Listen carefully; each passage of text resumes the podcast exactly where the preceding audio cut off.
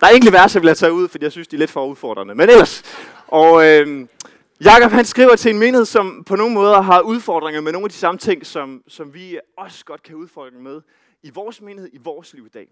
Og øh, til den her menighed, der skriver han omkring nogle forskellige ting, som de skal tage et opgør imod. Et opgør mod at favorisere. Et opgør imod at gøre forskel på folk. Som jeg tror, vi på mange måder har brug for os at tage et opgør med, for at kunne blive en kirke, der tager imod alle. Så jeg håber, vi er med til at rejse og lige at gå igennem den her passage, og vi er med til at se ind på de ting, som Jakob han peger ud for den her menighed, og som jeg tror, han også peger ud i vores menighed, vi skal være særlig opmærksom på. Jakob skriver sådan her, kapitel 2, vers 1. Mine brødre, I kan ikke tro på vor Herre, Jesus Kristus, den herliggjorte, og så kan forskel på folk. For hvis der kommer en mand ind i jeres forsamling, iført den fornemme dragt og med guldring på fingeren, og der så kommer en fattig mand ind i snavset tøj, og I kun øje for ham, der bærer den fornemme dragt, og siger, vær så god, her sidder du godt. Men siger til den fattige, du kan stå der, eller sæt dig her på gulvet. Altså ikke i modstrid med jer selv, og har opkastet jer til dommere med onde tanker. Det første, Jakob han retter sit fokus imod, det er det her med et opgør mod onde tanker. Wow, onde tanker. Det lyder virkelig voldsomt. Men Jakob han starter ind i sin konklusion på hele den her passage et eller andet sted. Han siger grundlæggende, kære venner, I kan ikke gøre forskel på folk, og så samtidig tro på Jesus Kristus, den herliggjorte. Hvad mere er der at sige i dag? Amen, vi kan også spise. Det, det er, han stater sin, sit argument helt fra starten. Han gør det klart for menigheden helt fra starten af. I kan ikke tro på Jesus Kristus, og samtidig være med til at gøre forskel på folk. Men hvad vil det sige at gøre forskel på folk? Det uddyber han heldig, heldigvis for os. Og øh, det er sådan, at det græskord, der bliver brugt her for at gøre forskel på folk, det, øh, det har det her ord, eller det har den her medbetydning at favorisere, eller at være partisk. På en eller anden måde have nogen, man foretrækker frem for nogle andre. Og så har det den der medbetydning også, at man bedømmer eller accepterer noget eller nogen på baggrund af deres ansigt, eller på baggrund af det, der er ligesom det overfladiske, det der på en eller anden måde fremstår lige til, når man ser det. Og øhm, det er det, som, som Jacob egentlig siger den her menighed. I kan ikke tro på Jesus Kristus, og samtidig være med til at bedømme, eller på en eller anden måde at øh, bedømme folk ud fra det, I bare lige ser, når I ser på de her mennesker, deres ansigt, eller deres udseende, deres fremtoning. Og det er som om den her menighed, de sidder og tænker, ja, det ved vi godt. Og det gør vi heller ikke. Så Jacob han har sådan lige brug for lige at slå det her fuldstændig fast. Så det han gør, det vil han at lave et ret sådan udførligt eksempel i virkeligheden for den her menighed. Et eksempel, som jeg tænker, det kunne faktisk godt have fundet sted i den her menighed. Og det kunne i virkeligheden også godt have fundet sted her hos os. Og øh, det, der grundlæggende sker, det er, at der kommer to forskellige personer ind i, menigheden. Og den ene, han er rig, han er velhavende, han ser godt ud på sit ansigt, altså udadtil. Hans fremtoning er pæn og god. Og der bliver beskrevet, hvordan at de øh, giver ham den gode plads. De tager ham måske op foran, hvor de kan høre Oslo Gospel Choir i baggrunden, og øh, helt tæt på kanten og på lovsangen, og det siger, kom op og sidde her, kom måske med en kop kaffe til ham, og serverer ham noget vand, og det er sådan. Han bliver behandlet rigtig godt. Vi ved ikke præcis, hvad der sker, men på en eller anden måde, så bliver han behandlet godt. Og så stiller Jakob en modsætning op, som er en person, der er fattig, og så kommer han i snavset tøj. Han passer igen. Han ser beskidt ud, og du ved, han, han er bare ubehagelig. Han er en outsider på en eller anden måde. Ikke? Og øh, han får at vide, hvad det er, du kan sidde derovre. Sæt dig nede bærst i, nede i caféen dernede. Ikke? Der er det lige nogen, der kan høre, hvad du, hvis du sidder og siger et eller andet mærkeligt. Eller du lugter lidt, der er ingen, der kan lugte dernede. Og, og ja, du, sæt dig på gulvet. Og gulvet var ligesom den plads, som var tilhørt tjenerne på det tidspunkt. Så det er altså på en eller anden måde en klar differentiering, som den her menighed laver mellem de rige, de velhavende, den er så godt ud af til, og så samtidig den, som var fattig, den person, som ikke på en eller anden måde passede ind. Og så siger Jakob omkring det her eksempel. Når I gør det, så har I opkastet jer selv til at være dommere med onde tanker. Dommere med onde tanker. Det lyder også virkelig sådan, du, mange af os, vi kan jo kende det der med, måske har gjort forskel på folk, men vi vil jo ikke ligefrem sige, at vi har været onde. Har vi virkelig haft onde tanker? Og igen, det græske ord, som når Jakob bruger det her ord, onde tanker, det har den her betydning, af meninger, eller resonemang, eller konklusioner. Så altså det, det Jacob han hensyder til, det er ligesom den der tankerække, som finder sted i deres hoveder. Når de laver den her differentiering, når de gør forskel på folk på den her måde, så har de nogle onde meninger, de har nogle onde måder at tænke på, nogle onde konklusioner, de kommer frem til. Og det er dem, som Jakob man siger til dem, de er onde. Og andre steder i Bibelen, så siger Jesus også omkring det her med at være dommer, at dømme andre. At det er en ond ting at dømme andre. Og grundlæggende er det bare det samme, som Jakob han ligger ind i slipstrøm af og siger, vi kan ikke være med til at dømme folk på baggrund bare af deres udseende, på baggrund af deres fremtoning. Så det første, vi må gøre op med i vores liv, i vores menighed, i vores kirke, for at kunne tage imod alle, er de her onde tanker, som vi har en tendens til at have, fordi vi fordømmer folk på baggrund af deres fremtoning. Og jeg tror ikke som sådan, at vi i dag oplever den store forskel på folk, der kommer ind ad døren, om de har en årsindtægt på 300.000 eller 1 million. Vi kan ikke nødvendigvis se den store forskel. Men på en eller anden måde, så tror jeg i dag, at vi har nogle andre grupperinger. Vi har nogle andre rige og fattige. Vi har nogle andre kategorier af nogen, som vi kalder insider, og nogen, som vi kalder outsider. Dem vi godt kan lide, og dem vi ikke, ikke kan lide. Og spørgsmålet til os her til formen, det vil være, hvem er de rige og de fattige i dit liv? Hvem er de der mennesker, som du helst ikke vil hilse på i døren? Eller som du kigger ned i jorden, når du går forbi dem inde i Fakta. Eller som du på aldrig nogensinde kunne finde på at hilse på i opgang. Eller invitere indenfor på en kop kaffe. Hvem er de der mennesker? Så du, når de gør det der, når de har den der adfærd, eller når de siger de der ting, så får du bare lyst til at, at, at flytte fra dem og fjerne dig fra dem. Og du får bare lyst til at sige, ud af mit liv, eller bevæg dig et andet sted hen, eller du går en stor bu uden om dem. Jeg tror alle sammen, alle os herinde, vi kan identificere nogle mennesker, hvor vi sige, det her det er de fattige i mit liv. Det er de så at sige, dem jeg bare helst gerne vil bevæge mig udenom. Dem jeg ikke vil have noget med at gøre. Og samtidig så er der også de rige i vores liv. Der er også de der mennesker, som vi elsker bare at gå i nærheden af. Jeg ved ikke, om nogen af jer har prøvet at være på en lederkonference. Det er sådan, når, når folk, de mest triste og deprimerede mennesker, og sådan, når de kommer på en lederkonference, så bliver de glade. Ui, så er de lige pludselig. Og de sværmes omkring lederne, fordi nu skal de gøre et godt indtryk, og de vil rigtig gerne sådan hen og vise sig frem. Øj, ja. Yeah. Lige pludselig, så, så sker der noget i deres liv. Der er et eller andet der, øj, de skal se godt ud i år for de her ledere her. Så kan vi alle sammen have nogle kategorier af folk, som vi på en eller anden måde træder ned, går udenom, og en kategori af folk i vores liv, som vi på en eller anden måde elsker at være omkring, elsker at vise os frem overfor, og på en eller anden måde inviterer ind på en særlig måde. Hvem er de rige og de fattige i dit liv? Og det er som om, at igen her i passagen, at efter at Jacob han har sagt det her til menigheden, at øh, menigheden på en eller anden måde sådan tænker, ja okay, det, det kan vi godt se. Det kan vi godt se, hvad du siger. Øh, men altså, hvad er der galt i det? Altså, de rige er fattige. Alle ved, at de rige, de, de, dem, de, de, dem, der er nice at være sammen med. Og de fattige, jamen, altså, hvorfor skal de have en god plads? Og så er det som om, Jacob han har lige har brug for at forklare, og stå fast med syv til søn, hvorfor er det ser sådan her ud i meningen. Så han fortsætter sådan her de næste vers.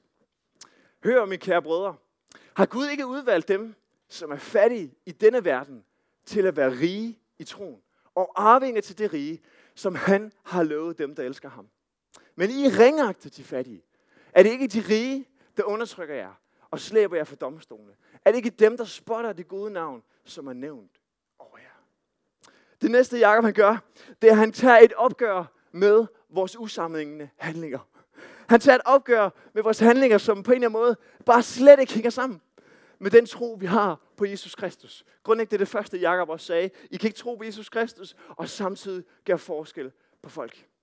Og det, der egentlig sker her, det er, at øh, Jakob han, han kører nærmest sådan et forhør med den her menighed. Han stiller fire spørgsmål til dem, hvor der til hver spørgsmål er sådan et tydeligt retorisk ja. Der er ikke nogen, der vil lytte til de her spørgsmål, og så sidde og tænke, hmm, det er egentlig et godt spørgsmål. Giv vide, hvad svaret egentlig på det. Alle i menigheden vil vide ja til de spørgsmål, der bliver stillet. Alle vil være, være klar over, det er indlysende. Det er et stort ja til alle de her spørgsmål. Så når Jacob han starter ud med at sige, har Gud ikke udvalgt de fattige til at arve Guds rige? Så det er bare sådan, jo, det ved vi godt. Det er et soleklart for os. Vi, har, vi kender det fra det gamle testamente. Vi ved, det er en del af vores tro. Gud har valgt de fattige. Og så siger han bagefter, er det ikke også sådan, at det er de rige, der slæber jer for domstolene? Er det ikke dem, der spotter det navn, der er nævnt over jer? Er det ikke dem, der undertrykker jer? Jo, det er det. De vidste, det var soleklart for dem alle sammen.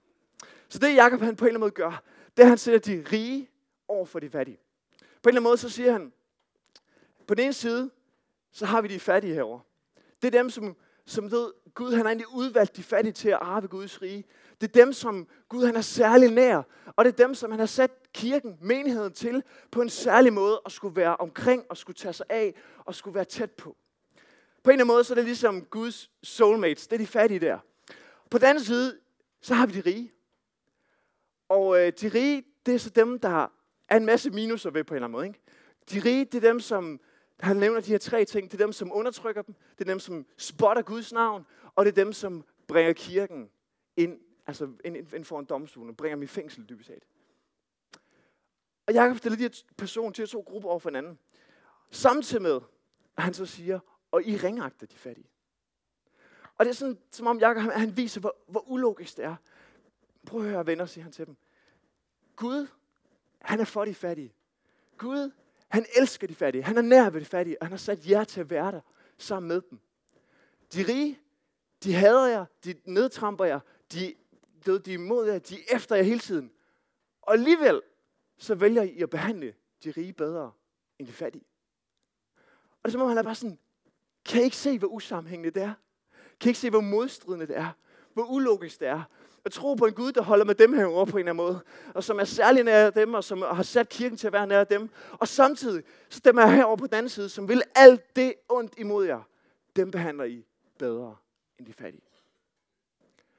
Og det er som om, at jeg kan bare sådan næler det her overfor dem. Han, stiller, han sætter bare til vægs. Prøv at høre, det I gør, det er så modstridende. Det er så usammenhængende. Men det, der også sker, det er, at Jakob han afslører deres hjerter.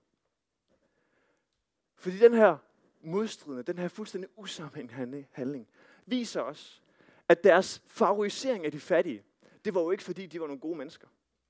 Favorisering af de fattige var jo ikke fordi, at de på en særlig måde var kaldet til at tage sig af de rige. Favorisering af de rige var ikke fordi, de på en særlig måde var sat til at tage sig af de rige, eller fordi de rige på en måde var gode mod menigheden.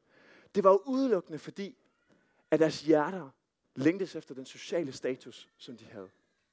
De kiggede efter prompt og pragt, som de her rige på en eller anden måde kunne kaste sig af den her menighed. De, de, de kiggede på deres yderside, de kiggede på deres ansigt, deres fremtoning. Og det var det, som den her menighed på en eller anden måde længtes efter, higede efter og var tiltrukket af. Det afslørede deres hjerte, som ikke advidede Guds kald til at tage sig de fattige, men i stedet for søgte social status hos de rige. Og hvor mange gange kan vi ikke finde os selv i samme situation? Hvor mange gange kan vi ikke finde os selv i den der oplevelse? At vi har de der mennesker, som vi på en eller anden måde bare elsker. Som jeg sagde før, de rige og de fattige i vores liv. Og for at vi kan blive en kirke, der tager imod alle, så tror jeg, at vi må bede Gud om hjælp til at forvandle vores hjerte. Vi må simpelthen bede Gud om at forvandle vores hjerte. Så den der innate, den der indbygget træng, vi har i vores liv, til altid at søge det, der kaster noget social status af på os. At det på en eller anden måde må blive gjort op med. Og vi kan kun gøre det, hvis vi kommer ind og får lov til at møde Guds kærlighed. Vi kan kun gøre det, hvis vi får lov til at opleve, at Gud han ikke kun har givet, han har ikke kun gjort alt for os, men han har også givet alt til os. Det var meget det, Rune han snakkede om sidste uge. Vi skal blive generøse modtagere, for at vi kan blive generøse givere. Og på en eller anden måde, så bliver vi nødt til at opleve, at vi har fået så meget af Gud. Vi er velsignet igennem Jesus Kristus. Han har ikke kun offret sig selv for os, men har også givet alt til os. Vi har fået alle himlens velsignelser igennem ham. Og når vi har gjort det, så behøver vi ikke at søge menneskers accept. Vi behøver ikke søge deres anerkendelse. Vi behøver ikke søge deres sociale status og alt det, de kan kaste på os. Det er fuldstændig lige meget, fordi vi har fået Kristus først. Men før vi har fået det, så vil vi altid være på jagt efter, hvad kan jeg få for andre mennesker? Hvad kan andre mennesker give til mig? Hvad kan det på en eller anden måde tilføje til mit liv? Min status, min komfort, min tryghed og alle de der ting der. Vi må finde ud af, hvad Gud har givet os først, før vi kan få, for, vi frie fra den der trang til altid at søge det, mennesker kan give til os. Så hvis vi skal blive en kirke, der tager imod alle, så må vi tage et opgør med den her trang. Og vi må bede Gud om at forvandle vores hjerter. Forvandle vores hjerter dybt ned, så vi tager imod alle mennesker. Og Jakob han fortsætter. med at slutte af her, med egentlig sådan at give lidt konklusion, svaret på, hvad gør vi så? Og øh, han fortsætter de sidste to vers, vi skal læse sammen her. Ja, hvis I efterlever den kongelige lov i skriften, du skal elske de næste som dig selv, så handler I ret. Men hvis I gør forskel på folk, bruger I synd og afsløres af loven som overtræder. Så det sidste, Jakob han siger, det er, at vi skal tage et opgør med vores brud på det største bud. Og det største bud er, som der også bliver sagt her, jo, det, er den, det er det, I skal elske jeres næste som jer selv. Som Jesus han refererer. Det står først i 3. Mosebog, og Jesus refererer også til det i Matteus evangeliet, at øh, vi skal elske vores næste som os selv. Og øh, et eller andet sted, så er det jo sådan bottom line af alt det, som Jakob han gerne vil sige her. Det er, hvis I ikke elsker jeres næste som jer selv, hvis I ikke elsker, ligesom Gud han elsker, så tager I ikke imod alle. Og hvis I ikke tager imod alle, så elsker I ikke, som Gud han elsker. Og dermed så skal vi være med til at elske både rige og fattige. For det er heller ikke sådan, at Jakob han siger, for nu er jeg gå ud, og så skal I lade være med at elske de rige. Så skal I bare begynde at hade de rige, så skal I bare behandle dem dårligt, og være efter dem, og alle de her ting, og sige, I må ikke komme ind til vores forsamling, og alle sådan nogle ting. Nej, det siger Jakob jo netop ikke. Han siger, at vi skal elske både de rige og de fattige. Men det handler om at skabe en balance. Om at det skal elskes begge steder. Men så kan du måske sidde og tænke, jamen har du ikke lige sagt, at Gud han er på en særlig måde elsker de fattige? Har du ikke lige sagt, at han er sådan, det er dem, han elsker mere? Og, og ja, det er sådan både rigtigt, og så er det ikke rigtigt. Fordi Gud han er ligesom sådan en far, der har flere børn. Og han elsker dem alle sammen. Men han kender dem også, og han ved, hvilke af de her børn, der har særlige behov. Og det barn, der vil være sådan, at det har et særligt behov, vil, vil den far også være særlig nær ved. Ikke fordi han ikke elsker de andre, men fordi han ved, at der er nogle af dem, der har mere behov for hans tilstedeværelse end andre. Og på den måde, så tror jeg også på, Gud, han bare er særlig nær ved de fattige.